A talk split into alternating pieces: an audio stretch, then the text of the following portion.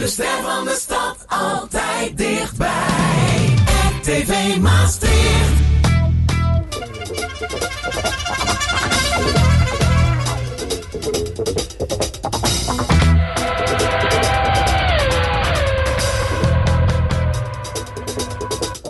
Dit is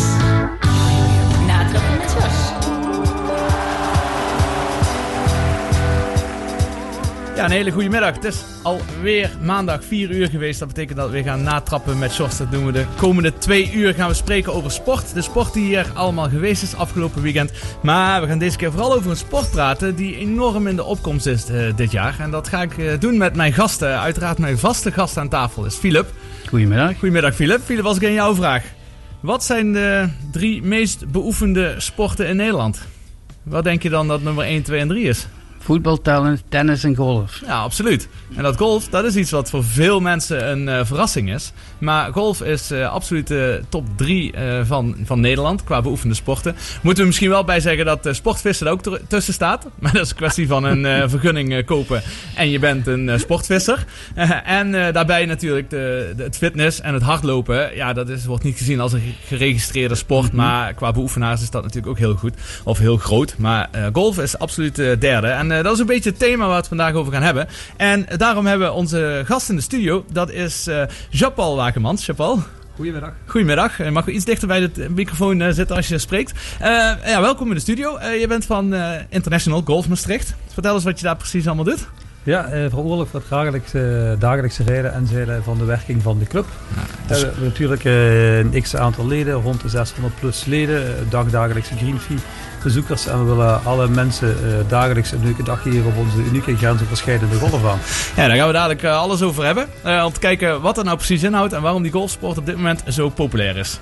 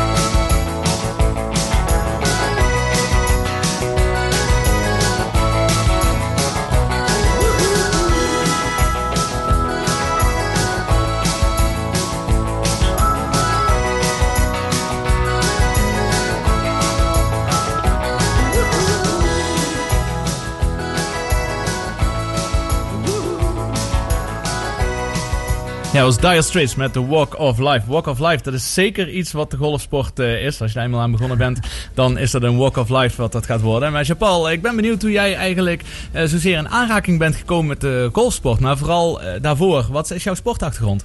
Eh, mijn sportachtergrond is eigenlijk, hoe kan ook anders, dat is eh, voetballen. Ik heb heel lang gevoetbald bij verschillende clubs in Waalwijk. Ik ben in België opgegroeid met wel een Maastrichtse achtergrond. En in de zomermaanden ben ik ook altijd heel veel gaan tennissen.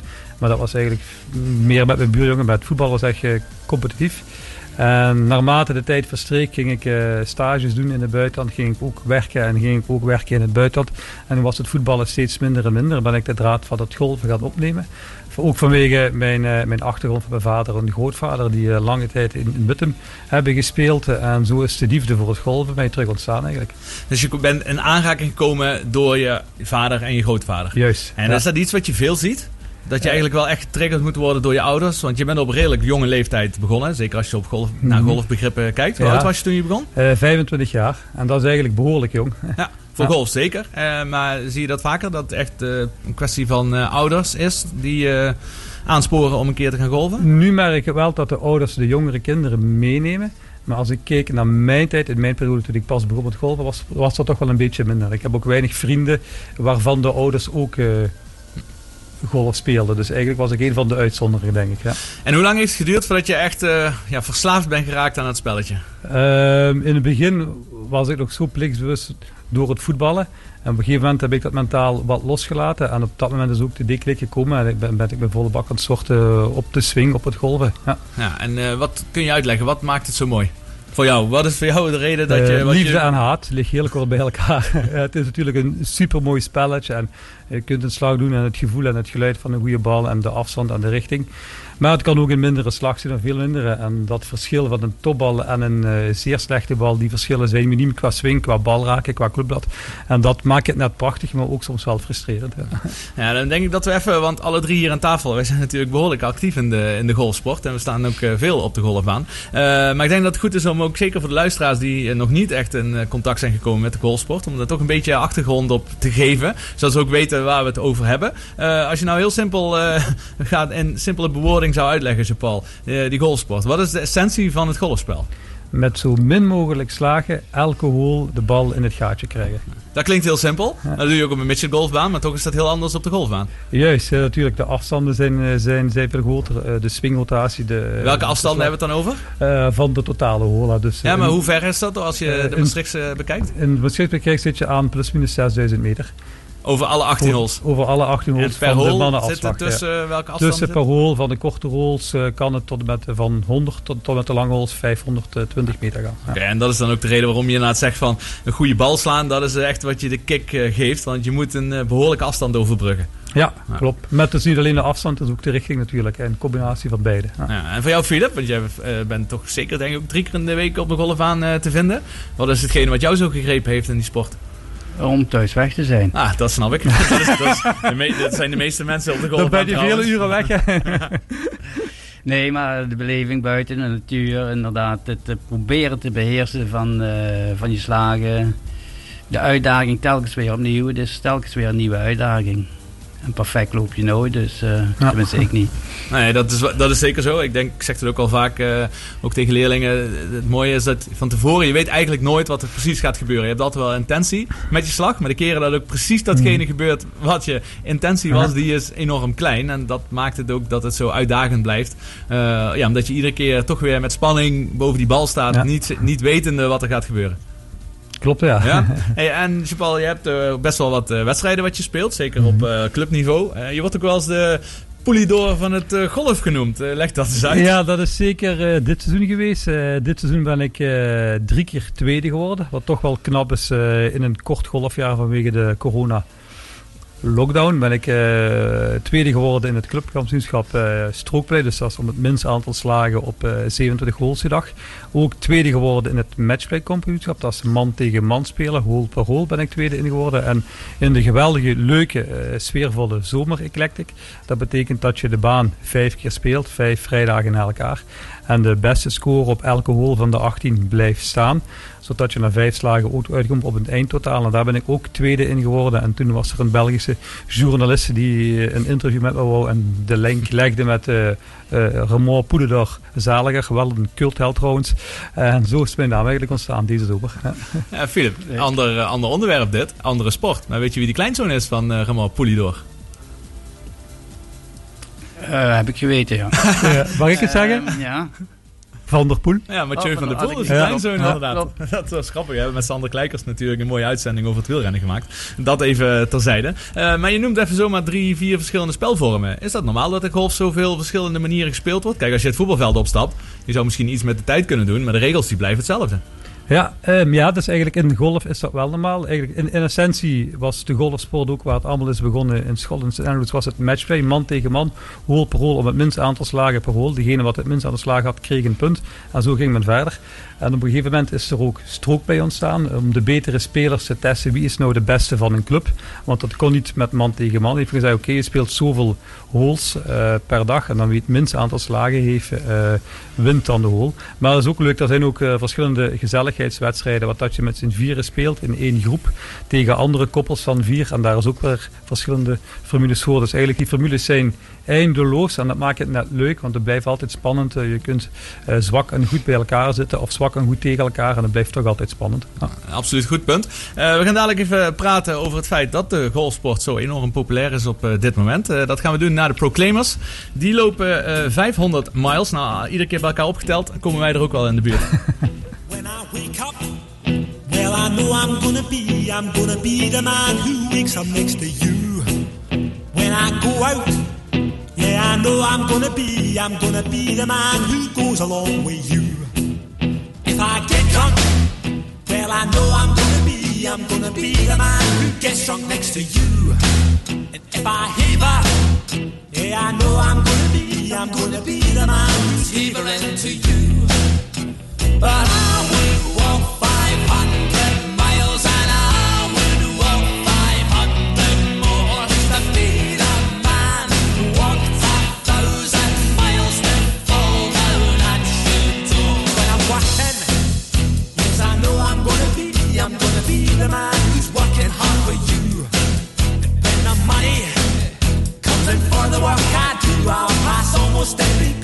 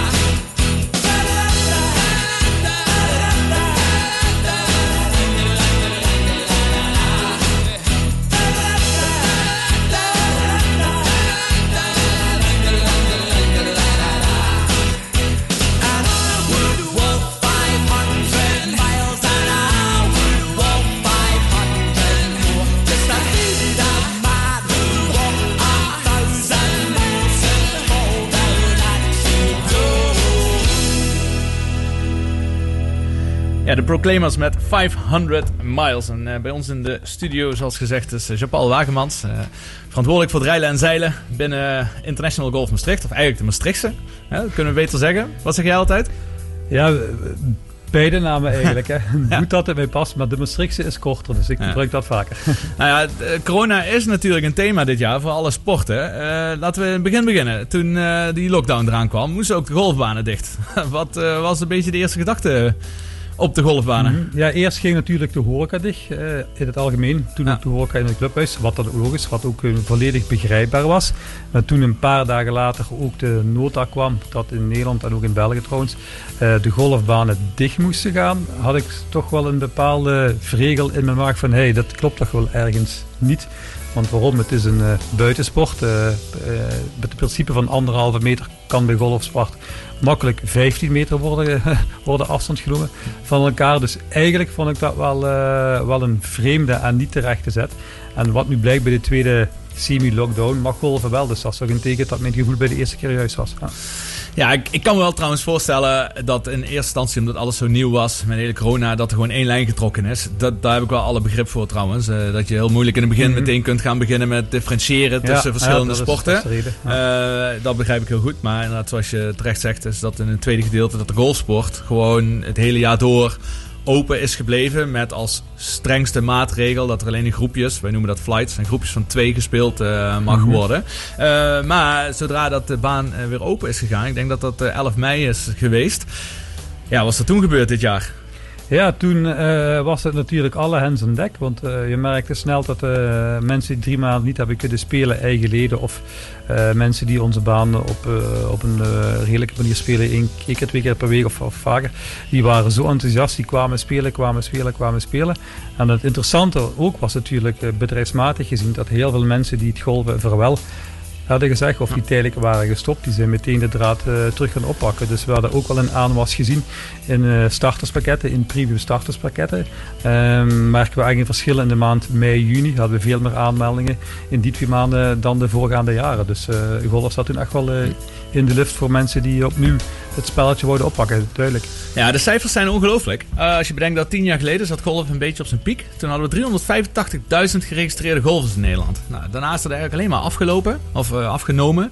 Eh, tot inderdaad dit jaar. En voor de eerste keer zijn we in Nederland dan over de 400.000 golfers gegaan. Wat een enorme stijging is. En dat is ook, zoals je zegt, heel veel erg te danken aan de herintreders. Niet alleen nieuwe starters, maar ja, zelf heb ik ook heel veel nieuwe starters gezien. Je bent ook actief voor de Belgische bond. Hè? De, de Ja. Belgische tak binnen International Golf Maastricht, Golfclub Lanaken. Zien zij exact dezelfde cijfers? Niet in aantallen, maar in de groei?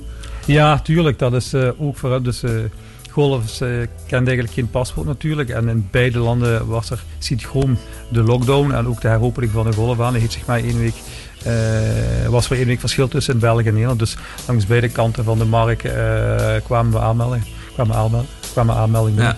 Even terug te komen op het grensoverschrijdend karakter van onze baan.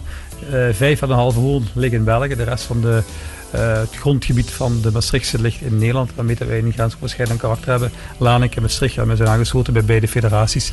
Eh, bij de Nederlandse, zowel de Belgische. En daarmee dat wij een, een mooie smeltgoed vormen van België en Nederlandse golfvrienden. Waarom denk je trouwens dat voor de lockdown, waarom is die, die spurt binnen golf niet eerder gekomen? Waarom is die nooit niet eerder zo gegroeid? Ja, Wat, ja. wat heeft mensen tegengehouden? Ja, dat is een hele goede vraag. Ja, ik ben zo met het golven bezig en zo aan het golven promoten dat ik op dit moment niet kan zeggen wat de mensen tegenhoofd houden. Eventueel is het, het het prijskaartje dat zou kunnen. En dat is altijd wel een euvel eh, bij de golfsport. Maar dan kun je ook weer de kentering zeggen. Wat kost momenteel een volwassen lidmaatschap bij de lokale voetbalvereniging? Zit je snel aan 350 euro. Eh, als je dat verrekent met het aantal hectare. Eh, een, regulier golfabonnement zit je aan 1500 euro, maar dan zit je aan, aan bij spreken aan, aan 30 keer eh, of 20 keer hectare meer.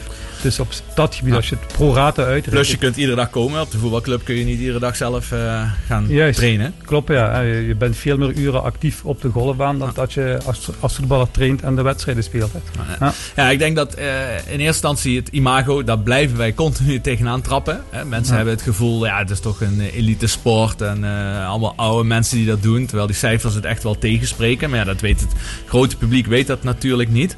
Eh, daar loop je tegenaan. Eh, tijd is iets wat veel, veel genoemd wordt altijd. Dat ze niet genoeg tijd hebben om te spelen. Onterecht. Ook terecht, maar ook niet helemaal. Omdat je hoeft niet altijd die 4,5, 5 uur Nee, op een baan klopt. te gaan doorbrengen. Want ja. we hebben, er zijn eigenlijk veel meer mogelijkheden. Zeker, ja. Het is eigenlijk, dat is wat ik mensen ook aanraad in het begin. Kijk, in het begin als je leert golven, als je langer speelt, maar je wilt qua tijd minderen. Eh, je kunt makkelijk een trainingssessie doen waarmee je gaat chippen, putten, een paar ballen staan op de range en enkele holes gaat lopen. Ben je uur, anderhalf uur bezig en dan heb je een korte maat heb je een flinke training gehad. Kun je ook gewoon negen holes spelen en dan ben je twee uurtjes bezig. Dus het tijdschema eh, ben ik niet helemaal mee eens dat dat eigenlijk een, een dilemma volgt voor te gaan. Natuurlijk, als je een wedstrijd speelt en je gaat dat drie, vier keer per week doen, ja, dan ben je wel gemiddeld 4,5 uur bezig met de voorbereiding aan de afronding. Dan kruipt er heel veel tijd in. Maar als je een, een planning maakt in je persoonlijke agenda, kun je best wel een mix maken van een trainingssessie, van een 9 hole sessie en van een golfwedstrijd 18 holes. En daar zie ik het probleem niet van in. Inderdaad. En daarbij, ja, we hebben het natuurlijk vaak nu over International Golf Maastricht. Maar we gaan dadelijk, eh, na het volgende nummer, gaan we bellen met, of in ieder geval proberen te bellen, met Lucie Deuring. Eh, die is golfprofessional op het Rijk van Margaat, de club aan de andere kant. En vanaf eh, januari 2021 de algemeen manager op die plek.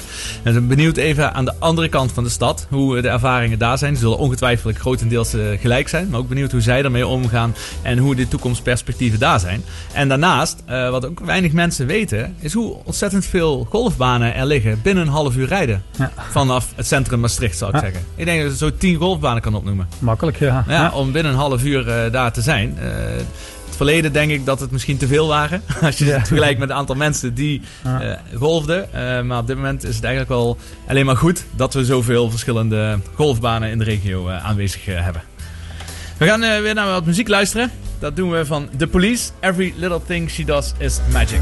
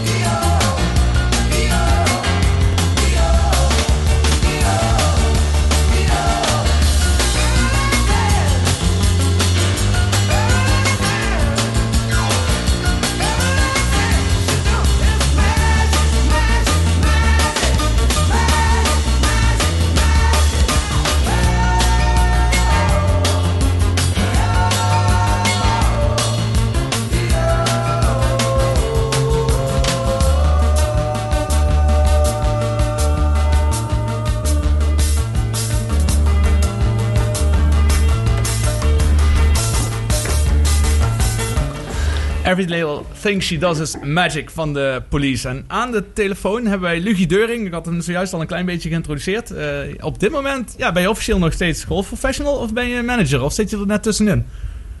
Uh, op dit moment zit ik er net tussenin. Deze week zal ik mijn laatste lessen gaan maken. Ehm, en ondertussen zijn wij bezig met een stukje overdracht en me verder te verdiepen in alle gangen en zaken van het Rijk Golfbanen. Nou, heel mooi. sowieso hartstikke mooie stap. ik zag deze week op LinkedIn ergens langskomen. Hoeveel jaren ben je nu al actief voor het Rijk van Margraten? Uh, 16 jaar werk 16. ik inmiddels daar. Dan kunnen we wel met, met gerust stellen dat, je, dat we ook hier ook een specialist aan de telefoon hebben. Hey, maar Lucie, je hebt net ook een beetje het verhaal van Japal gehoord. Kun je dat beamen? Zie je exact dezelfde dingen gebeuren bij het Rijk Golfbanen? Ja, wij zien zowel in Marktstraat als op onze andere golfbaan ja, een enorme explosie van het gebruik en de toename van gasten die de golfsport willen gaan beoefenen. er is een behoorlijke druk op de lessen. Uh, dus de aanvragen van mensen die één natuurlijk al les nemen en twee ja, die graag nou willen gaan starten. Mede omdat het een van de weinige sporten is die veilig gedaan kan worden natuurlijk. En daarnaast zie je uiteraard dat ja, ook mede doordat veel mensen gewoon in alle regio's verblijven in Nederland. Dat iedereen veel meer gebruik maakt van zijn of haar eigen golfbaan. En dat daar ook behoorlijke druk uh, ligt, ja. ja. dat laatste is ook een belangrijk punt. Daar hebben we het ook nog niet over gehad, inderdaad. Dat uh, heel veel mensen natuurlijk in eigen land op vakantie zijn gegaan. En ik denk dat jij in je lessen en ik zelf ook... Heel, als je vraagt aan de mensen van... Ja, waar was je nu normaal geweest? Dan was het toch altijd Spanje, Portugal, et cetera. En deze keer uh, was het vooral Maastricht. Ja. Want ze ja, hadden weinig andere opties, natuurlijk. Dat klopt inderdaad. Uh, we zijn heel veel mensen die gewoon natuurlijk hier in de regio wonen. Die hebben besloten om en op hun eigen golfbaan te gaan spelen. En twee op een van de buurtbanen uh, te gaan spelen. Ja, zoals je het zegt, ja, je kunt zo tien golfbanen opnoemen. Uh, dus er is ook voor de golfer hier in de regio zat te spelen. En daar maakt iedereen ja, gretig gebruik van op dit moment. Ja, en daarbij, we zijn toch een lokale omroep. Dus we mogen best wel wat reclame maken voor ons eigen gedeelte. Het zijn ook gewoon de mooiere golfbanen van het land, toch? Ja, ja, ja, zeker. Ja, dat zit er zeker in. En uh, ja, toch hebben we, uh, qua de horeca heeft het natuurlijk wel moeilijk in het algemeen, maar ook op de golfbanen. Is het nou nog iets wat een beetje de euforie van de groei in de golf toch nog tempert? Uh, nou ja, het is, kijk, de horeca en golf is met elkaar verbonden. En je gaat naar de golfbaan toe, je wilt lekker je kopje koffie drinken. Na je ronde wil je heerlijk napraten onder het genot van een drankje. En ja, dat is wel heel spijtig dat dat op dit moment niet gaat. En dat haalt ook een klein beetje het sfeer van het spelen zelf toch wel weg voor de gemiddelde speler. Ja. Nee, ja, dat hoort er absoluut bij. Hè. Na afloop, de 19e hole natuurlijk, wordt het ook wel eens, uh, wordt ook wel eens genoemd. Omdat mensen daar nog wel gezellig blijven plakken. Uh, dus, ja? ja? Nee, dus, ik, ik, geef je gelijk. Jij hoor je wat slecht namelijk. Oké, okay, uh, dus uh, wat er nu dus gebeurd is... We hebben heel veel uh, nieuwe golfers die erbij komen zijn. Maar er gaat dadelijk een moment komen... Uh, waarschijnlijk er komen goede berichten over uh, een vaccin wat eraan uh, zit te komen, et cetera. Stel dat het allemaal weer eens een beetje terug naar normaal zou gaan. Uh, verwachten we dan, of verwacht jij dan, dat de golfsport wel zo groeiend of zo goed blijft? Of gaan we dan een dip krijgen naar pre-coronatijden? Nee, ik denk wel dat uiteindelijk mensen zullen inzien dat het een hartstikke leuke sport is om te beoefenen. Dus ik denk zeker dat alle mensen die nu gaan uh, instappen, uh, zeker ook gaan blijven. Ze zijn allemaal aan, druk aan het investeren. Eén, in het lessen volgen en twee, ook een aanschaf van materialen. En dat merk je gewoon ook in de winkels. Ehm, dus ik denk echt wel dat de, de huidige nieuwe golf die er nu bij komt, dit ook wel blijft doen. ik denk wel dat natuurlijk het enigszins als we teruggaan naar een normale wereld dat het ook wel weer wat zal gaan afvlakken uiteindelijk op de langere termijn. Ja, want ben je, of denk je dat op dit moment de capaciteit, laten we zeggen het aanbod. Uh, ik hoor natuurlijk ook wel eens wat over uh, starttijden die er geboekt uh, proberen te worden bij sommige verenigingen. Denk je dat het aanbod op dit moment te groot is? Of ik bedoel andersom juist, de vraag groter is dan het aanbod? Ja, de vraag is absoluut groter dan het aanbod. En zoals zeg maar de afgelopen maatregel dat je in een maximaal een tweebal mocht uh, gaan spelen helpt er natuurlijk niet bij.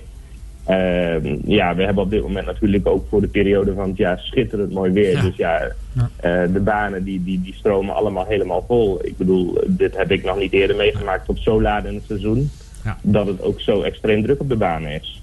Ja, daar ben ik absoluut met je eens. Dat kunnen wij ook alleen maar beamen. En zeker ook als je ziet hoeveel mensen op dit moment nog starten met golf.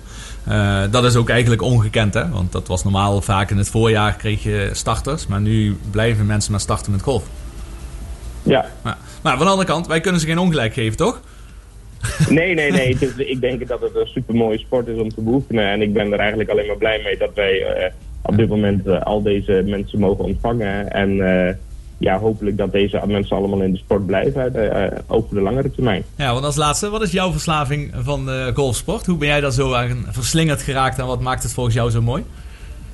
Ja, het leukste is dat het elke dag als je het speelt steeds weer een uitdaging voor jezelf is. Hè? En weet je, de ene dag dan uh, loop je een rondje en dan ben je helemaal tevreden. En je score valt een beetje tegen. De volgende dag heb je een fantastische score gelopen. Uh, en ja, er zit altijd een nieuw verhaal aan een rondje golf. Uh, voor mij is de uitdaging, elke dag kan weer opnieuw en weer leuker en weer mooier. Daar heb ik helemaal niks meer aan uh, toe te voegen. Luigi, dankjewel voor je tijd. om even toe te lichten hoe het aan de andere kant van de stad eraan toe gaat. Gelukkig gaat het overal even goed. En veel succes met, je, met de overdracht. Ja, dankjewel, uh, George. Yo. Leuk te spreken. Ja, dank je. Jij ook. Hoi, hoi. Dank je. Hoi.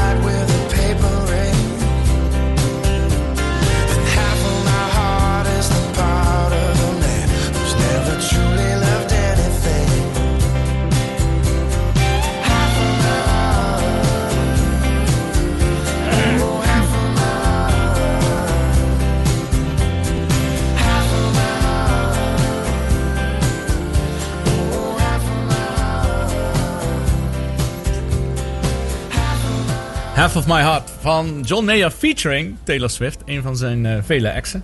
Maar dat is weer voor een ander eh, programma. Dat is misschien wel meer bij RTL Boulevard of eh, Shownieuws dat we het daarover kunnen hebben. Maar wij hebben het hier nog steeds over de golfsport. En we gaan het volgende onderwerp binnen die golfsport, eh dat wil ik even koppelen aan een fragmentje.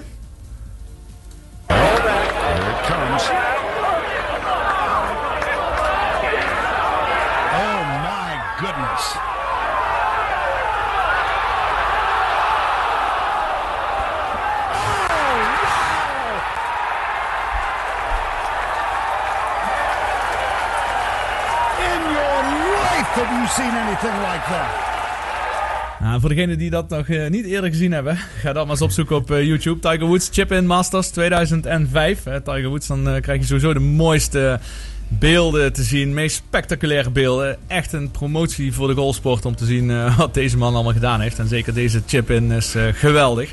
Ehm, maar dan brengt even de, met bij de volgende vraag. En dan begin ik bij Philip. Philip, golf, sport of een spel? Sport en spel. Kijk, het is een topsport voor degenen die zich daar helemaal op, eh, op focussen. En het is een spel voor iedereen eh, die, die die kwaliteiten niet heeft, die de aanleg daar niet voor heeft en de interesse niet. Ja, ik had het Dus- niet beter kunnen zeggen. Cheval? Ja, klopt. Ja. Dat is, eh, ik merk dat een bepaald segment van onze leden of bezoekers, zij zien het meer als een eh sociaalheidsspel. Dat als je samen mee in een groepje wandelt, drie tot vier uur in de baan en je doet je ding. En als nu minder slagen of meer slagen, de glimlach blijft er staan. Eh, en die doen samen een drankje of een hapje in een clubhuis. En die hebben een topdag eh, gehad. eh. maar er zijn ook een deel mensen of leden of bezoekers die het echt als een competitieve sport zien. En eh, die na een ronde wel slecht gehumeerd komen zijn. Dat is het allemaal niet. Dus gelijk goed dat het zo moeten gelopen zijn natuurlijk.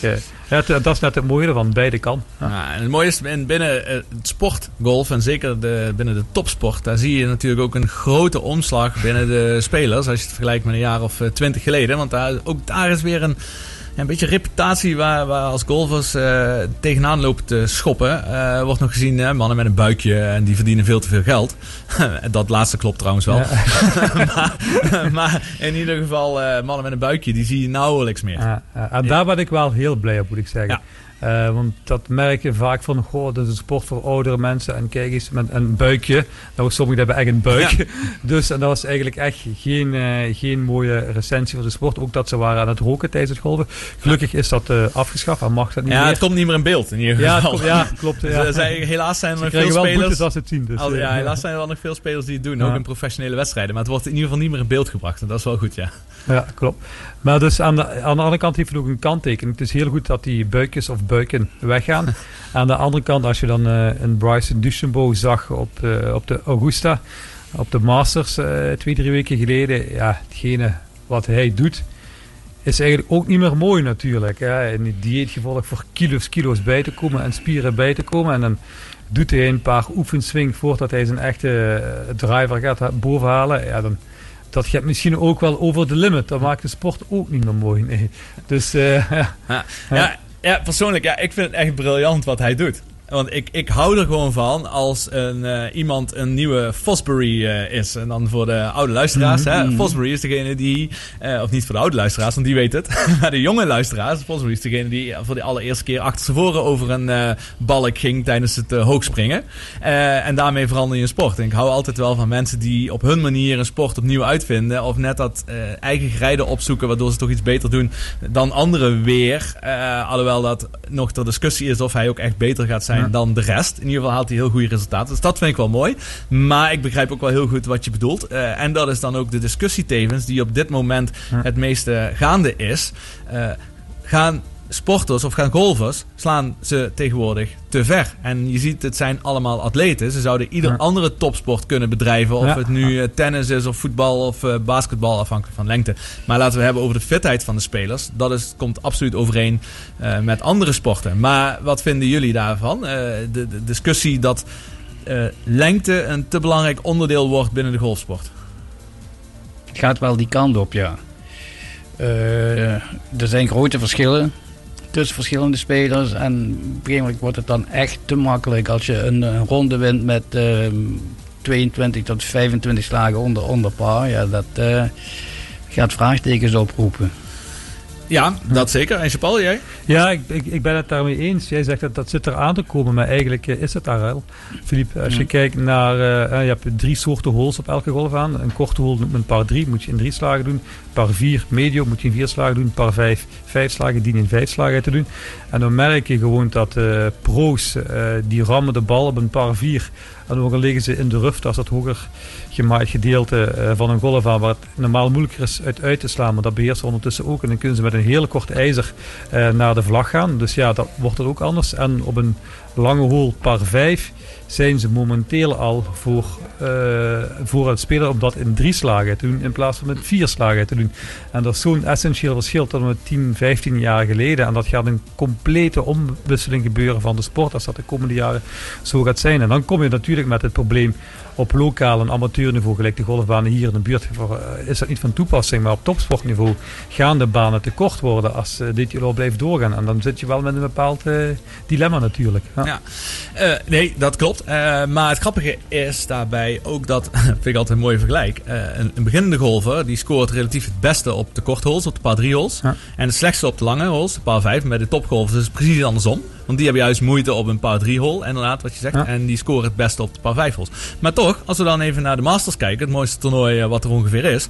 Daar speelt in zo'n laatste ronde, speelt Bryson DeChambeau, eh de longhitter van de Tour, speelt met een 63-jarige man, Bernard Langer. Ja. En Bernard Langer komt met een betere score van de baan af eh, ten opzichte van Bryson DeChambeau. trouwens. hè. Ja, nou, dat sowieso. Hebben we vorige week als Ja. sportmoment, was mijn sportmoment van de week. Ja. Dat is een fantastische prestatie. Dus denk je uiteindelijk, denken jullie uiteindelijk niet dat de hele discussie wat overtrokken eh, wordt? Omdat toch niet iedere week dezelfde speler wint.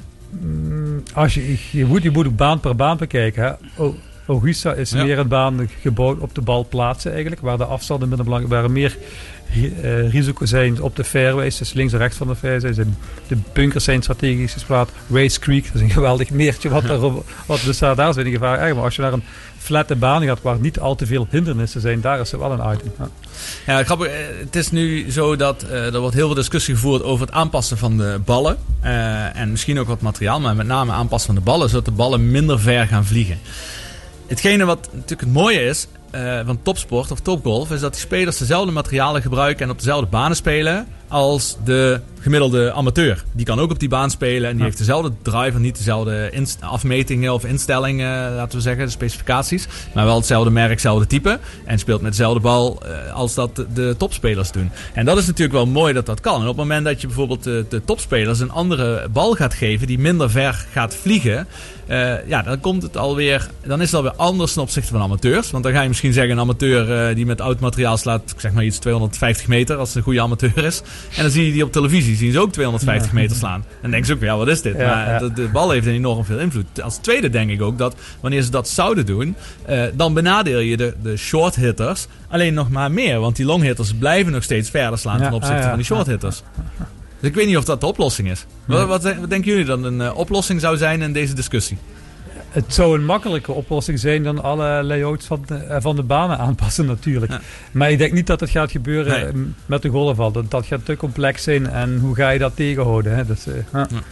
Ja, de mooiste oplossing, die heb ik gehoord van eh, Ian Polter. Die al actief is op Instagram onder andere. En die had het erover dat er maar de, de hellingshoek van een driver... dat dat dan maar minimaal iets van 11 of graden mocht zijn. Ah, ja. Want dat zou wel een mooie oplossing zijn. Want hoe harder dat je slaat... eh, als je te veel hellingshoek om een driver hebt... dan ga je juist afstand verliezen. Want je gaat alleen maar hoger, alleen maar meer spin, et cetera. Eh, dat zou, wat mij Ja. betreft, zou dat eventueel wel een oplossing kunnen zijn. Maar het is in ieder geval een levendige discussie. Eh, het positieve is sowieso dat golf steeds meer ook als topsport wordt erkend en wordt gezien. Maar ja, zoals altijd als sporten ontwikkelen, dan komt er ook discussie over bepaalde zaken. Dus dat laatste woord is daar voorlopig nog niet over gezegd. Wel op dit moment hier eh, binnen onze show over deze discussie. Want we gaan weer wat naar muziek luisteren. En daarna komen we terug met de, de gastplaat van Japal. Dus benieuwd waar Japal eh, zijn inspiratie vandaan haalt.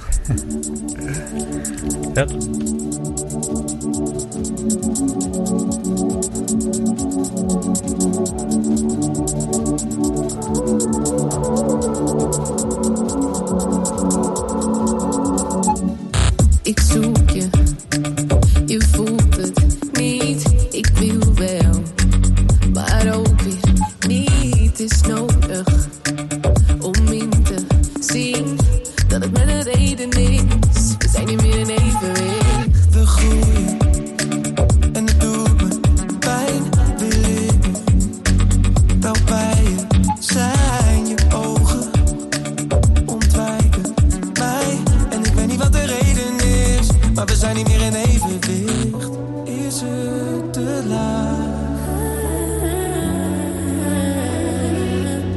gaat slapen met het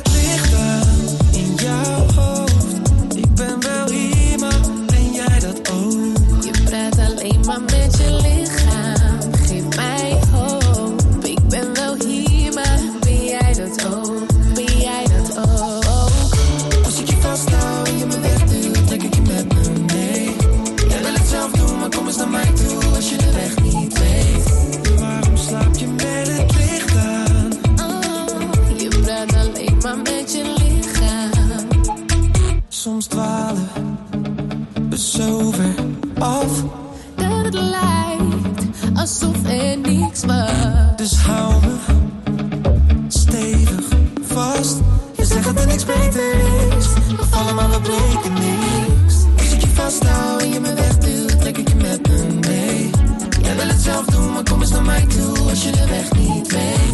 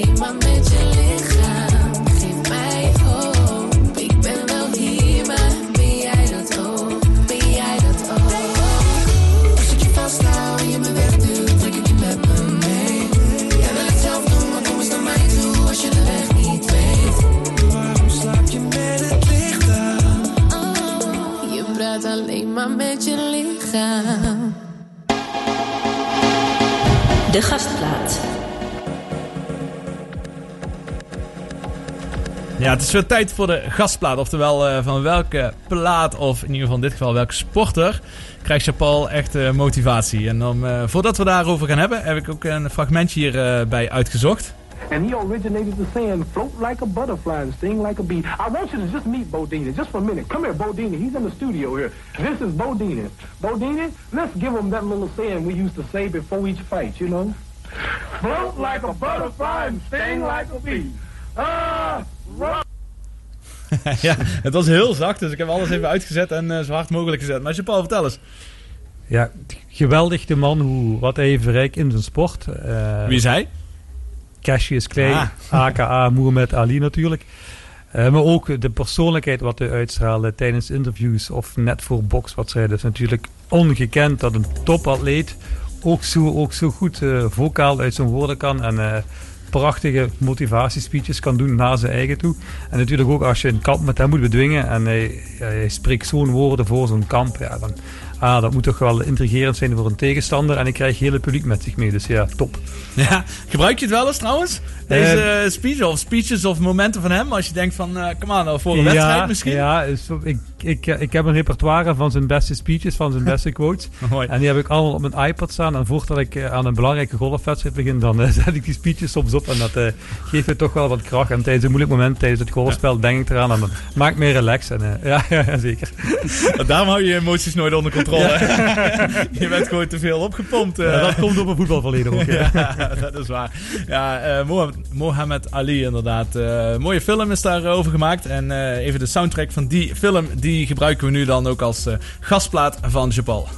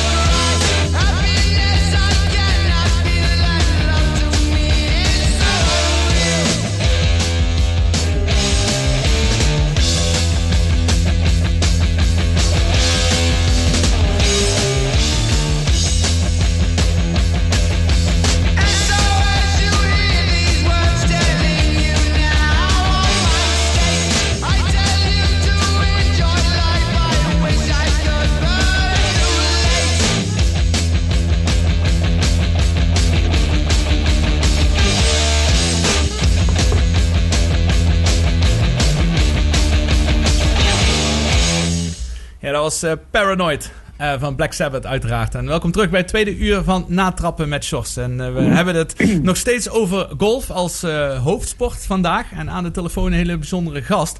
Want de oud-bondscoach van Nederland en een van de meest succesvolle golfcoaches van het land. Dat durf ik zonder twijfel wel te zeggen. Dat is Erik de Kinderen. Erik, welkom in de uitzending.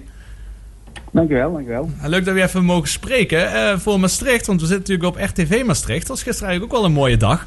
Want een van jouw leerlingen, die is woonachtig in Maastricht, Lars van Meijel, die had een heel mooi eh, resultaat behaald. Ja, die is gisteren eh, zevende geworden in Zuid-Afrika. Ja, dat Bij is, een European Tour event. En ja, dat heeft hij goed gedaan. ja, dat is heel knap, absoluut. In zijn eerste jaar op de European Tour, meteen een top 10 eh, notering. En dan eh brengen we eigenlijk meteen bij hetgene waar ik graag met jou over wil eh, hebben. Hoe zit het betreffende topgolf in Nederland? Nou ja, als je nu gaat kijken en je kijkt puur naar de hoogste regionen, hè, dus de Europese Tour, ehm, dan ziet het er best oké uit. Joost Luiten doet natuurlijk al heel lang mee in de top 100 van de wereld. Dat is een, eh, echt een geweldige prestatie als je zo lang, ik denk al meer dan 10 jaar, op dat niveau eh, mee kunt draaien. Eh, nou ja, Lars dit jaar nieuw op de Europese Tour, Wil Besseling. Daar is Van Driel. Als je zo kijkt, dan hebben we nu vier spelers op de Europese Tour. En we hebben er jarenlang, ik geloof acht jaar, maar één gehad. Eh, dus dat, nou ja, dat, dan zou je zeggen, het gaat best goed. Alleen er komt weinig achteraan. En als je gaat kijken naar de jeugd, dan is het eigenlijk al eh, ja, best wel dramatisch. Eh, het aantal jeugdspelers in Nederland is laag. En de prestaties van de topamateurs in de wereld zijn ook zeer matig de laatste jaren.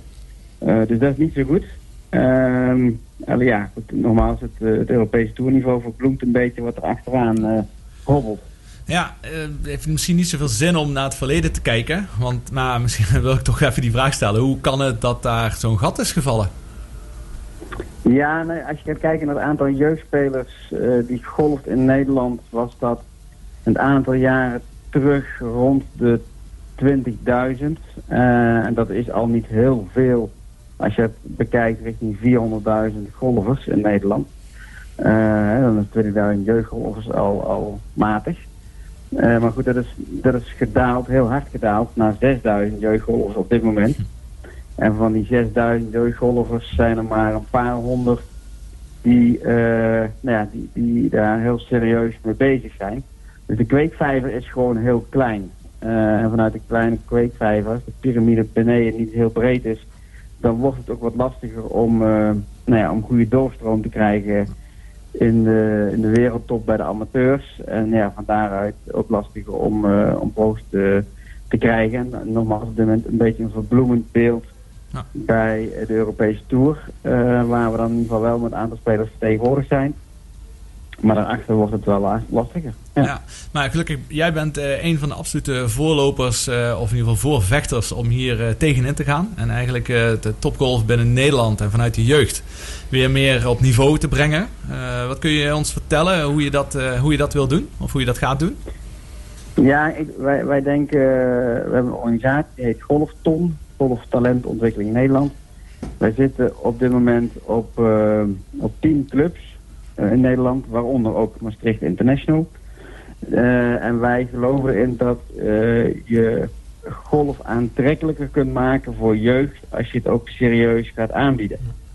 Eh, en daarmee bedoel ik op de meeste clubs is golf eh, nou ja, één keer in de twee weken een uurtje jeugdles. Nou, dat, dan ben je eigenlijk geen serieuze concurrent van, eh, van sporten zoals hockey of voetbal of eh, nou, handbal of noem ze maar op.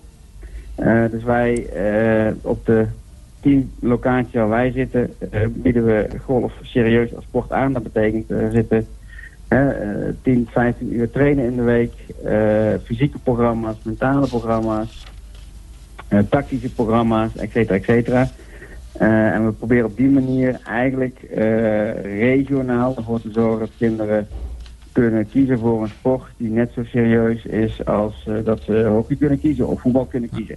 En dan valt ook te kiezen. En dat was eigenlijk dat is heel lang niet geweest. Ja, want eh, het, het imago is natuurlijk ook, en eh, de vraag die je vaak krijgt van mensen, van ja, er zullen wel bijna geen kinderen op golf gaan, want hoezo is golf een sport voor kinderen? Mhm. En wat, en Ja. wat zeg je daartegen? Ja, nou, dat, kan ik me heel goed voorstellen dat mensen dat denken. Ehm, eh, op het moment dat de kinderen het doen, En ze doen het zoals wij het aanbieden. En daarmee bedoel ik het, het, het volle scala wat, wij, wat, waar, ja, wat golf interessant maakt. Waaronder bijvoorbeeld ook de fysieke training. Eh, ja, dan is golf wel denk ik eh, echt ook een jeugdsport. Eh, omdat je naast het feit dat, het, nou, dat we het heel fysiek maken, ook nog een keertje een sport is waar normen en waarden heel hoog aangeschreven staan. Omgangsvormen met, met elkaar belangrijk gevonden worden op de verschillende locaties. Ja, ik denk dat het wel echt een sport is, ook voor de jeugd. En ze kunnen het doen wanneer ze tijd hebben, ze kunnen het alleen doen, ze kunnen het met vriendjes doen. Eh, dus het is juist voor iedereen denk ik heel toegankelijk, voor de jeugd. Eh, de, de kosten zijn laag. Eh, dus wat dat betreft denk ik dat het prima te doen is. Ehm, maar goed, wij hopen het ook gewoon sexier te maken door middel van het meer fysiek te maken. En aangezien golf toch steeds meer een fysieke sport wordt. Als je naar de wereldtop kijkt en kijkt naar hoe ver ze slaan en hoe hard ze slaan en hoe die mannen en vrouwen er getraind uitzien, ja, dan wordt het steeds meer een fysieke sport. En dat maakt het ook steeds sexier voor de jeugd, om het zo maar te zeggen. Ja, heel goed. Eh, we zitten nu in, in een piek. Hè? Dit jaar, daar hebben we het in het eerste uur van de uitzending al uitgebreid over gehad. Hoe populair de golfsport is. Hoe lang Ja. eh, zou het dan nodig eh, zijn, of hoe lang gaat het dan duren, denk je, voordat je enige resultaten vanuit deze piek en eh, die nieuwe programma's gaat zien? Ja, kijk, de, eh, de jeugdsport sowieso in zijn algemeenheid minder. Ehm, dus je ziet de kinderen tussen de 6 en de 16 jaar, eh, ja, die, sporten minder dan vroeger. eh, om een aantal redenen. Eh, en dat, daar hebben wij natuurlijk ook last van bij golf. Maar daar hebben we ook last van bij andere takken van sport. Ik denk, zoals wij het nu doen op die locaties, en we hebben nu 10 locaties, we willen uitgroeien naar 24 locaties, waarin dus golf als serieuze sport aangeboden wordt. Dan hoop ik dat we het, ja, tussen nu en vijf jaar wel echt een, een grote stijging krijgen van het aantal jeugdspelers, maar vooral ook van het aantal jeugdspelers wat serieus met golf bezig is. Eh, en die hebben we nodig, willen we nou ja, op lange termijn in, eh, ook op prestatief gebied eh, aansluiting houden met andere landen van de, van de wereld. Ja, en het hoogst haalbare is natuurlijk een Ryder Cup hè, binnen golf. Hoe, in Ja. welk jaartal verwacht je de eerste Nederlandse Ryder Cupper dan? Nou, we hebben een organisatie, eh, Golfton, eh toezet in 2031 is het niet, vanwege de corona uit. 2031 een speler afgeleverd hebben op de Ryder Cup. Ehm, en dat is, we zeggen, het toernooi tussen Europa en Amerika. En het wordt een beetje gezien als het hoogst haalbare. En dan moet je ook wel eh, nou ja, serieus hoog op de ranking staan, wil je daar mee kunnen doen. Dat is nog nooit gelukt, er is nog nooit een Nederlander met de Ryder Cup meegegaan. Wel met het Solam Cup, dat is de vrouwelijke variant daarvan. Daar zijn Christel Bouillon en eh, Anne van Dam. Die hebben daar aan meegespeeld, succesvol aan meegespeeld, ook allebei gewonnen. Eh zijn toevallig ook twee speelsters die ik eh, heel lang gecoacht heb. Ehm, en ja, wij hopen in 2031, laten we zeggen, ervoor kunnen zorgen dat, dat we een mannelijke speler hebben die daar mee kan spelen. En als nu kinderen denken van, eh, goh, dit is iets wat ik ook wel zou willen, eh, serieus met golf bezig gaan zijn. eh, waar kunnen ze op terecht en wat moeten ze er eigenlijk voor kunnen? Nou, we hebben verschillende groepen. Betekent als je jong bent en, je- en je, hebt er gewoon heel veel zin in en je wil het gewoon gaan proberen en je bent een beetje sportief. Dan kun je je aanmelden bij een, een potential programma. Dat is eigenlijk het, de startprogramma. Dan moet je al wel serieus aan de bak. dus dan praat je ook wel echt over fysieke training, over eh, tien uur trainen per week aan de hand van een trainingsschema. Eh trainingen die op de club gegeven worden. Nou, in jouw regio zal dat dan eh, Maastricht International zijn, waar ze terecht kunnen. En dan moeten ze gewoon Maastricht International bellen. Of ze kunnen gewoon naar de site gaan, golfton.nl. En daar staan alle gegevens op waar ze zich kunnen aanmelden. En dan komen ze vanzelf bij Maastricht International uit in dit geval. Ehm, en daar kunnen ze eigenlijk gewoon beginnen op het moment dat ze zeggen, ja, ik wil er gewoon voor gaan. En eh, ja, ik, eh, ik ben motorisch enigszins vaardig, dan kun je daar starten. We hebben ook andere programma's eh, voor, spelers die al wat kunnen. Nou, die categorieën staan ook allemaal op de site, www.golfton.nl.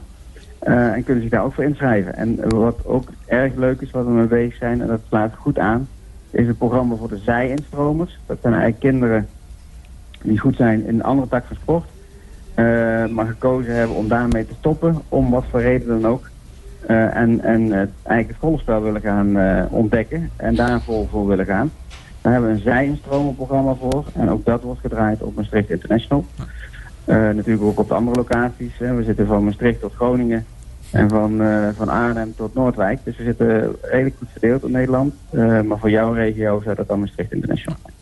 Ja, mooi Erik. Dankjewel even voor je uitgebreide en goede toelichting. Hoe het eh, eraan toe is met eh, jeugdgolf op dit moment in Nederland. Mooie ambitie. En eh, ja, samen, ja, ik doe natuurlijk ook, probeer ook mijn steentje eraan bij te dragen. Samen proberen we ervoor te zorgen dat over een aantal jaren, dus 2031, de, de golfers in Nederland echt volledig op de kaart staan. Dankjewel voor je tijd Erik.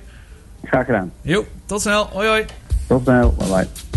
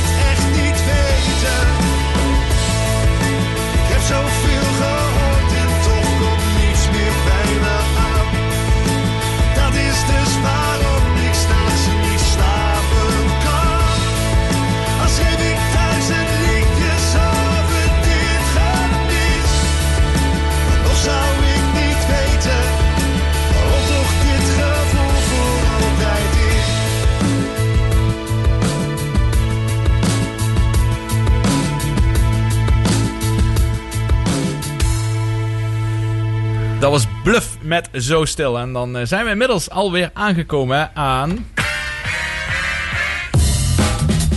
Oh, Timmetje, Timmetje, wat ga je doen?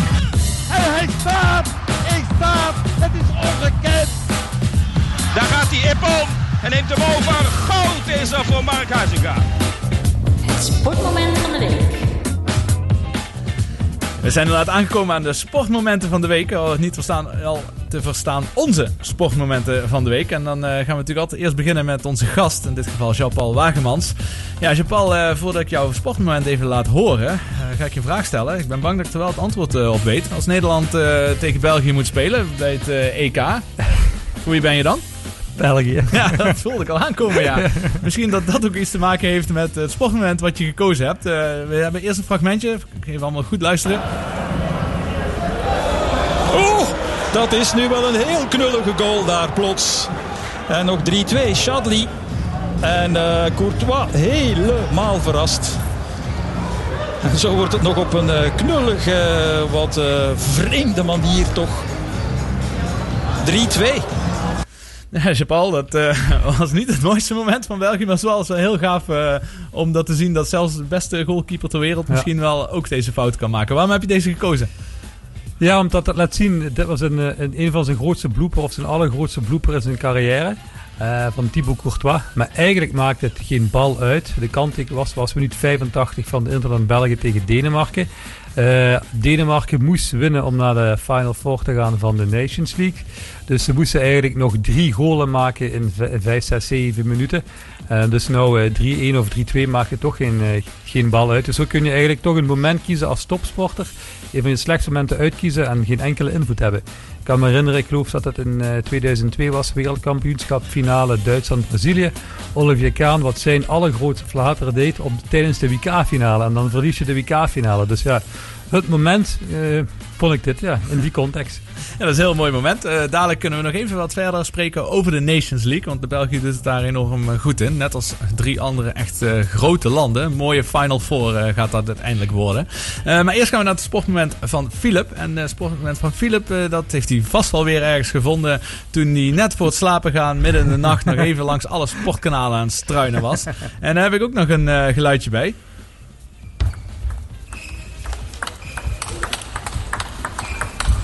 Oh, look at it. Exchange right there. Long rally. Oh, it's like a 10-1. Nou, je moet het eh, kunnen zien, maar je kon het ongetwijfeld op de radio ook al horen waar dit om ging. Eh Philip, vertel eens. Ja, klopt inderdaad. Eh, net voor slapen gaan kwam ik uit op eh, een tafeltenniswedstrijd. Daar heb ik nog even naar gekeken.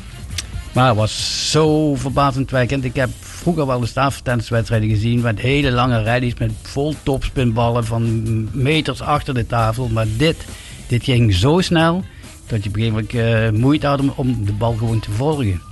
Dit was eh, echt een aanrader om dat nog ergens terug te kijken. Het was een finale van de ITTF in, eh, in China.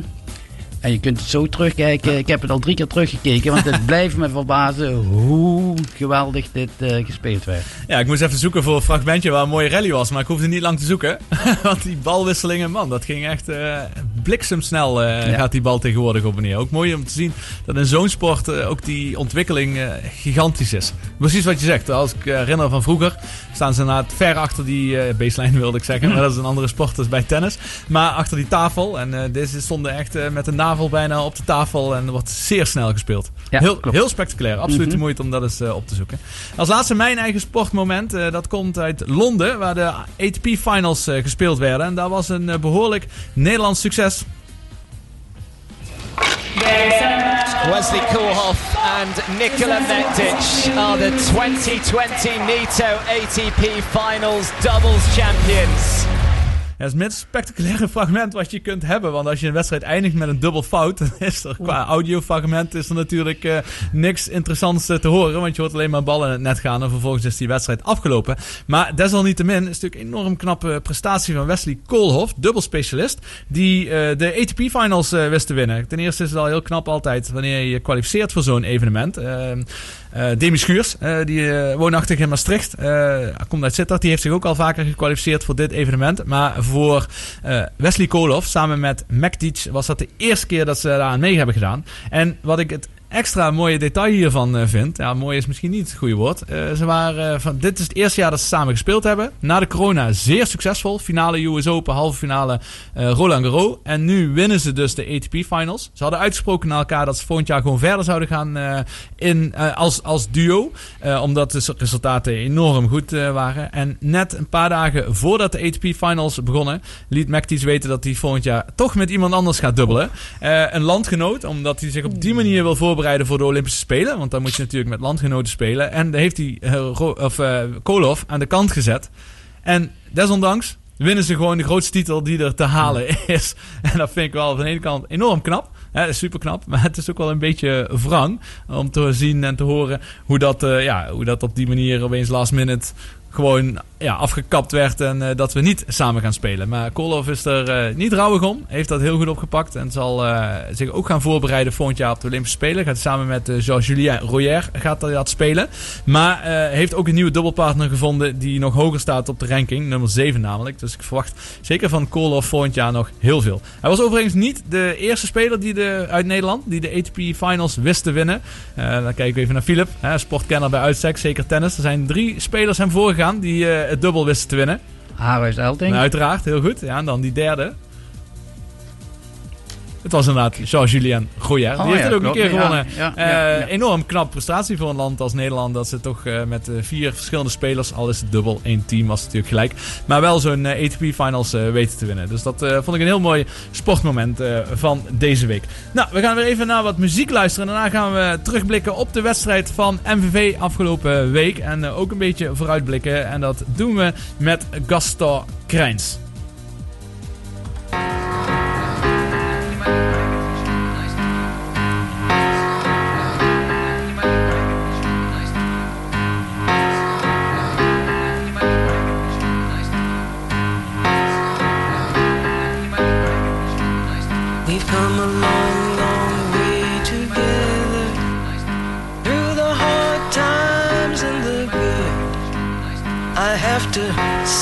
Celebrate you, baby. I have to praise you like I I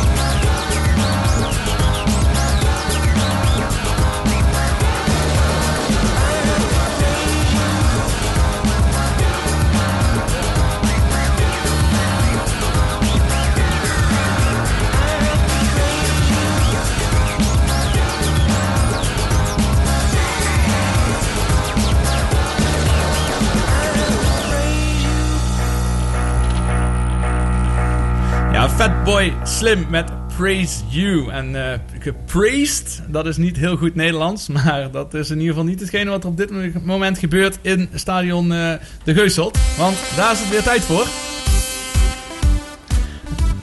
Het is weer tijd om even over MVV te gaan praten. En dat doen we dadelijk eh, met Kastal Krijns van de ledenraad van, M, eh, van, de ledenraad van MVV. Maar eerst, eh, voordat we daarmee gaan beginnen, wil ik even een reactie laten horen van Kale Ziets, de trainer van MVV, na afloop van de wedstrijd tegen Jong PSV. Nog een bittere nasmaak die je hebt nou, als je 3-0 eh, voorsprong weggeeft. Ja, nu is het belangrijk dat we toch, een, eh, dat we toch een, heel goed evalueren en zeggen tegen spelers wat het goed eh, was geweest. En hoe dat voornamelijk ook kwam. Dat kwam gewoon door hun geweldige inzet en, eh, en, en, en, en, wil om taken te willen uitvoeren. Werkelijk vechten voor elkaar elke, elke, voor elke meter in het veld. Ja, en dan op één gegeven moment dat het minder ging, moet je gewoon meer, zoals ik net heb gezegd, meer je hersenen gebruiken dan, eh, dan, eh, dan je kracht en inzet. En, eh, ja, die hersenen, we zijn nog veel te jong voor die hersenen, maar eh, wij, gaan een, eh, wij gaan daarin ook stappen gaan maken. En, Ja, dat is Kalazic. En uh, Kastal die kan het niet meeluisteren. Normaal gezien wel, om- maar we hebben een probleem met de telefoonverbinding. Maar dat maakt niet uit. Eh, ik heb Kastal nog steeds aan de telefoon. Maar eh Kalazic die had het erover dat eh, het, het- de inzet van het getoonde spel... dat dat natuurlijk echt fantastisch was. En ik denk dat we daar wel over eens kunnen zijn, of niet? Hoi Jos, hallo. Hoi. Ja, MVV speelde eigenlijk tot de 70 minuut uitstekend voetbal. Ze willen de supporters elke week zien. Ik vond dat er hoog druk werd gezet. MVV speelde met heel veel power en heel veel inzet. Ja, iets wat we eigenlijk de laatste weken gemist hadden. En vooral in die derby tegen Rode. Daar had je toch een stukje creativiteit, eh, druk zetten en power. Dat heb ik heel erg gemist. Ja, helaas waren de keepersfouten eh, helaas ons wederom fataal geworden. Alleen vind ik het te makkelijk om dit puntverlies eh, te koppelen aan keepersfouten. Daar ben ik zeker met je eens. Sorry? Ja, daar ben ik met je eens, absoluut. Mhm. Want ik vond dat onze aanvallers hebben ook de nodige kans hebben die gecreëerd, maar hebben ook de nodige kansen gemist op, op 4-5-0 eigenlijk. Dus eh, Ja, het was inderdaad een bijzondere wedstrijd. Hè? Want eh, ik heb natuurlijk ook eigenlijk alle wedstrijden gezien eh, dit seizoen. Zeker sinds dit radioprogramma actief is. Ben ik natuurlijk iedere wedstrijd ook aan het kijken. En dit was denk ik, wat je ook zegt, tot 70 minuut veruit de beste wedstrijd van dit jaar. Ja, klopt, klopt. Ja, wat je in deze ploeg eigenlijk ook ziet, en dat zag je eigenlijk afgelopen vrijdag ook, is eh, als MV een doelpunt tegenkrijgt, dan vallen er vaak binnen een tijdsbestek van 10, 15 minuten vallen vaak twee, drie tegendoelpunten. En ik wijt dat toch aan, de, aan, eigenlijk aan een natuurlijke leider wat gemist wordt in deze, in deze ploeg. die eigenlijk zijn team over een bepaald punt kan heen helpen. Van zet de poppetjes goed, eh, blijf agressief, blijf met een kopje erbij. En die natuurlijke leider, ja, die mis ik in deze spelersgroep eigenlijk. Mhm. Ja, het blijft natuurlijk erop hameren. Ook Kalesic zegt, ja, we hebben zo'n jonge ploeg. ehm, en we hebben inderdaad die leider niet. Ja, dan denk ik, eh, zeker vorige week hadden we hier Jelle Duinen zitten, de spits van MVV. En eh, niet alleen hij, maar bijna iedereen die gaat na dit jaar misschien weer terug eh, naar zijn werkgever van waar ze verhuurd zijn. Dus ja, ik, ik, ik, ik vraag me af hoe, hoe dat dan eh, uiteindelijk aan het einde van het seizoen... Stel dat ze het op de rit hebben en ze kunnen continu dit niveau op de mat leggen... en zij weten het ook vast te houden... Ja, dan heb ik toch het gevoel alsof dat weer uit elkaar gaat vallen. Ja, ik laat, het, laat het hopen, Jos. Ik maar dat, we het niveau halen. maar het uit elkaar vallen zou niet goed zijn. Nee, maar ja, dan moeten we dat niveau wel eigenlijk niet steeds moeten volhouden. Maar dat, maar dat niveau moet je dan ook een hele wedstrijd moet je daar vol, vol, eh, vol, vol kunnen houden. En ja, dat mis ik eigenlijk wekelijks. Want eh, als supporter zijnde van MVV, nou jij bent natuurlijk al jaren en dag eh, supporter van MVV, is toch weer een moeilijke periode. Wat leeft op dit moment onder de supporters? Nou, als je kijkt eigenlijk naar het huidige seizoen, is tot, tot de COVID-omstandigheden, is het enorm moeilijk voor ons als supporters en ook als sponsoren en alle andere personen die MVV een warm hart toedragen, de club fysiek in het stadion te kunnen, te kunnen steunen. Ik denk dat we allemaal enorm graag naar de Geustad willen. Alleen ja, het kan op dit moment niet. En ik denk dat de huidige spelersgroep had misschien afgelopen vrijdag met ondersteuning van de fanatieke aanhang wellicht die 3-0 voorsprong ook niet zo heel snel verspeeld. En eh, ja, ik vind het heel moeilijk om het vanuit mijn eigen woonkamer eh, de ploeg eh, te steunen, zeg maar. Dat is zeker waar, want eh, wat je in het begin al zegt, dat er eh, is vaak op voorsprong gekomen door MVV, maar binnen een paar minuten tijd eh, draaide het om. En ja, dat zou je in een grote mate misschien ook wel kunnen zeggen dat met thuispubliek, dat dat ja, niet zo snel zou gebeuren. Zeker niet in het stadion de Geuselt. Dat denk ik niet, nee. Nou, nu zijn we inmiddels eh, 13 wedstrijden verder. En MVV staat op de 16e plek na een zeer belo- veelbelovende start na de eerste drie, vier weken. Hoe nu verder dit seizoen? Want het seizoen duurt nog lang.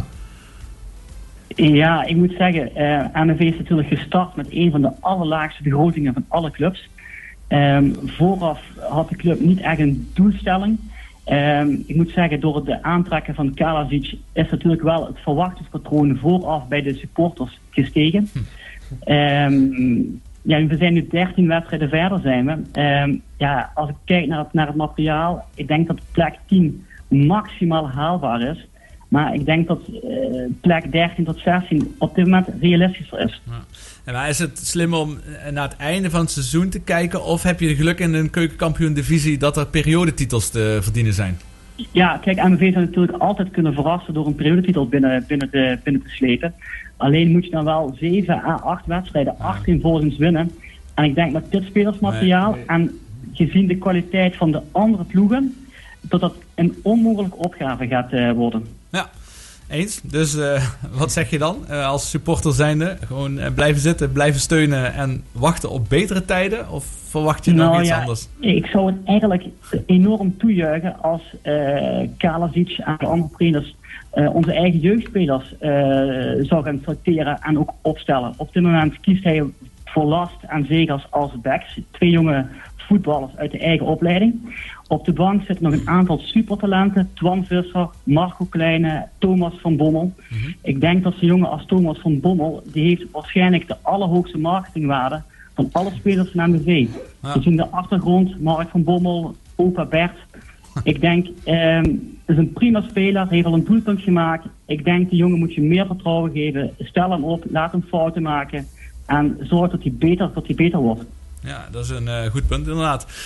Ik ben benieuwd of dat gaat gebeuren, want het valt me eh, nog steeds op dat degene die in ieder geval het minste ter discussie staat binnen heel MVV, dat is die trainer uh, Kalasic. Eh, er wordt veel gezegd over eh, keepers, verdedigers, eh, middenveld en aanvallers. Maar ik hoor toch iedere keer wel, eh, of ik lees vooral over hem wel eh, positieve reacties. Ik ben ook enorm positief over, de, over, de, over de trainer. Hij moet toch met, een, met weinig materiaal moet hij toch iets, iets kunnen maken. En ehm, als hij nou die eerste 40 minuten de komende wedstrijden kan doortrekken en kan zorgen dat ook een aantal jeugdspelers doorbreken en zorgt dat de basis aan het eind van het seizoen er staat om met een enkele nieuwe spelers een nieuwe seizoen weer in te gaan, ja, dan heb je een hele mooie basis liggen om volgend jaar eigenlijk te strijden om plek eh 7, 8, 9, 10 denk ik. Eh, er is trouwens nog één succesje. Wel, voor MVV. We staan de laatste 16 eh, van de beker. Ja, heel leuk. Ja, zonder te spelen eh, hebben we voor het eerst sinds 2005 overwinteren we in het bekertoernooi. Heeft dat nog En de makkelijkste Ja, weg naar, naar Europees voetbal volgens mij. ja, dat is helemaal waar. Is dat trouwens... eh, eh, is dat financieel nog aantrekkelijk als je twee rondes doorkomt? Voor ja, ik, volgens mij krijg je wel een, vanuit de KNVB krijg je een bonus als je een ronde verder komt. Maar het verdienmodel zit er eigenlijk in als je tegen een tegenstander speelt die heel veel publiek trekt. Dus, dus stel voor, MVV zou bijvoorbeeld uit naar Feyenoord moeten en die hebben een volle kuip, dan krijgt MVV de helft van de recettes. Ja, dat- Alleen ja, door de COVID wordt het natuurlijk afwachten of er dadelijk in januari, februari überhaupt publiek mag komen kijken. Ja, dat snap ik. Ja, de Maar wellicht kunnen ze... Kijk, Telstar heeft volgens mij twee weken geleden eh 22.000 kaarten verkocht voor een wedstrijd in een leeg stadion. Dus ik zou zeggen, laat de marketingafdeling van MBV eens kijken of er in Maastricht iets soortgelijks mogelijk is. Ja, eens. Ja, goed punt, Gastal weer. Super, dankjewel eh weer voor je visie en voor je tijd. Eh, de volgende wedstrijd is op eh, maandag 30 november om 9 uur. uit bij NEC, natuurlijk geen makkelijke tegenstander. Helemaal niet. Ehm, Een klassieker volgens mij. ja, dat, dat zeker. Ja, jammer dat ze net niet hebben kunnen winnen. Want voor het vertrouwen was het natuurlijk wel echt lekker geweest als je tegen jong PSV had gewonnen. En dan op die manier naar de volgende wedstrijd gaat. Nu zullen we het de volgende keer zien. En Gastal, we spreken jou later weer in deze uitzending. Is goed, dankjewel Jos. Dankjewel. Fijne avond.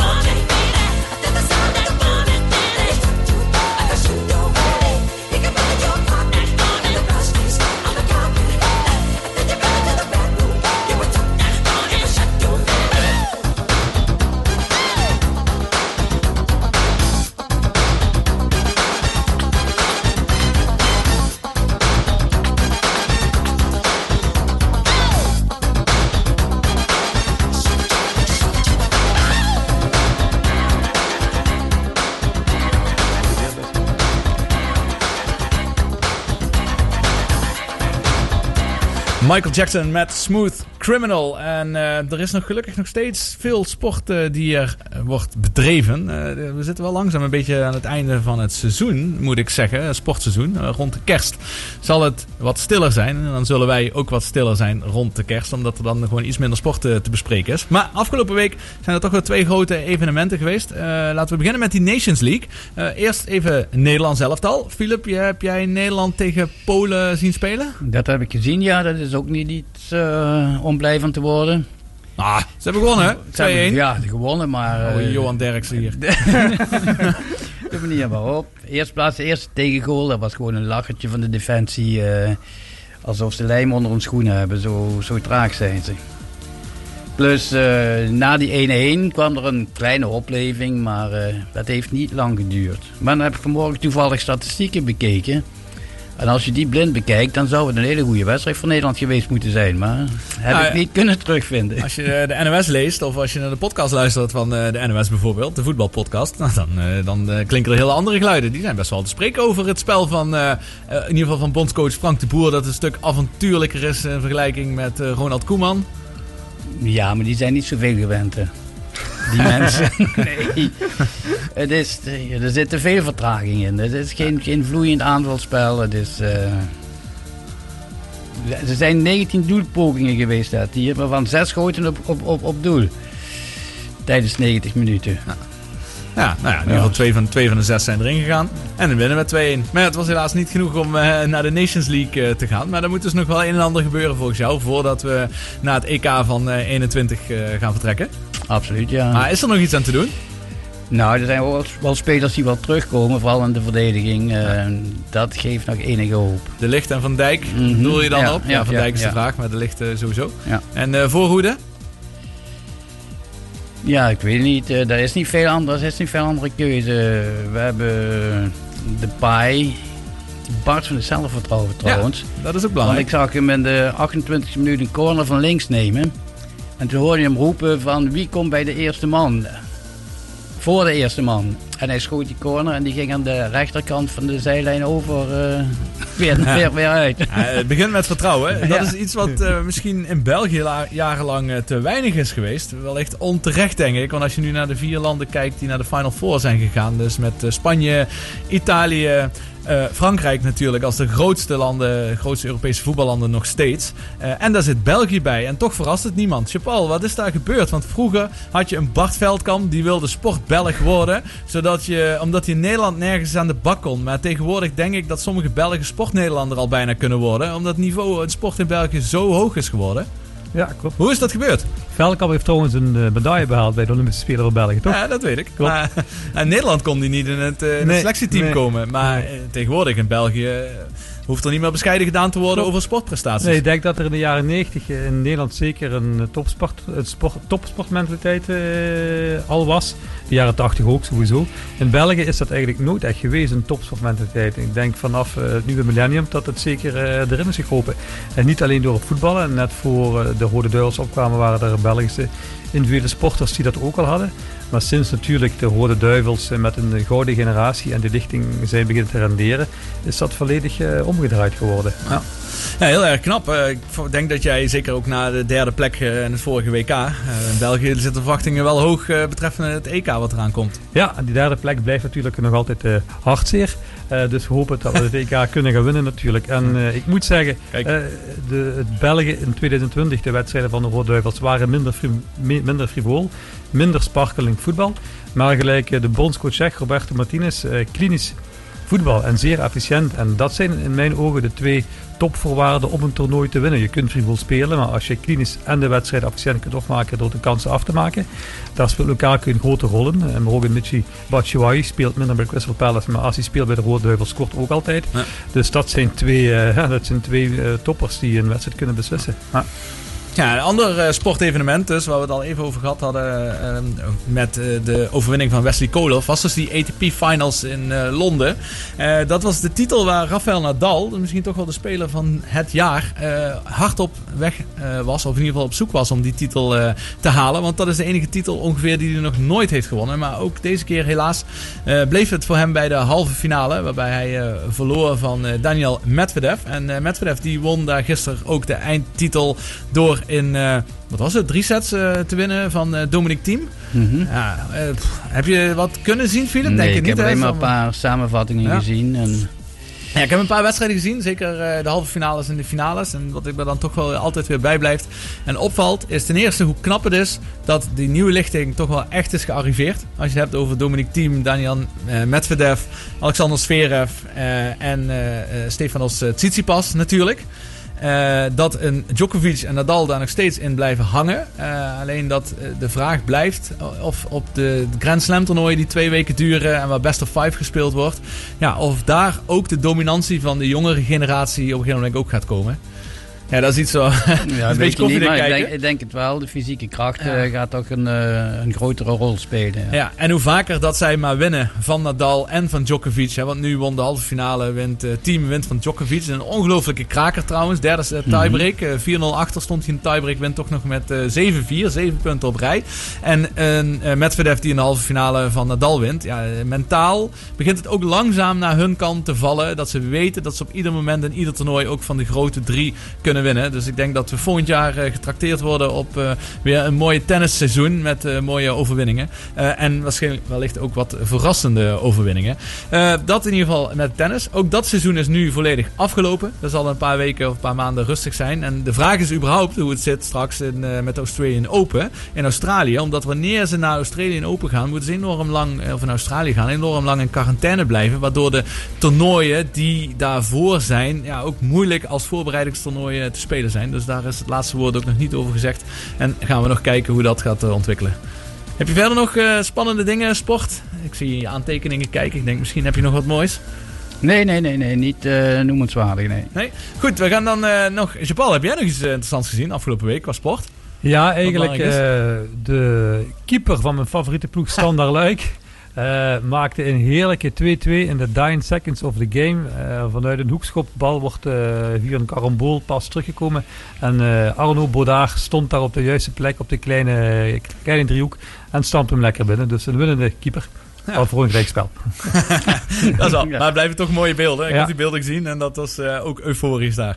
We gaan nog één nummertje luisteren. Eh, dat is de nieuwste van twee dames die toch wel het eh, popjaar dit jaar ook domineren. Dat is Miley Cyrus. Die heeft samen met Dua Lipa een nieuw nummer uitgebracht afgelopen week. En dat is Prisoner. Prisoner, prisoner, locked up, can't get you off my mind, off my mind. Lord knows I tried a million times,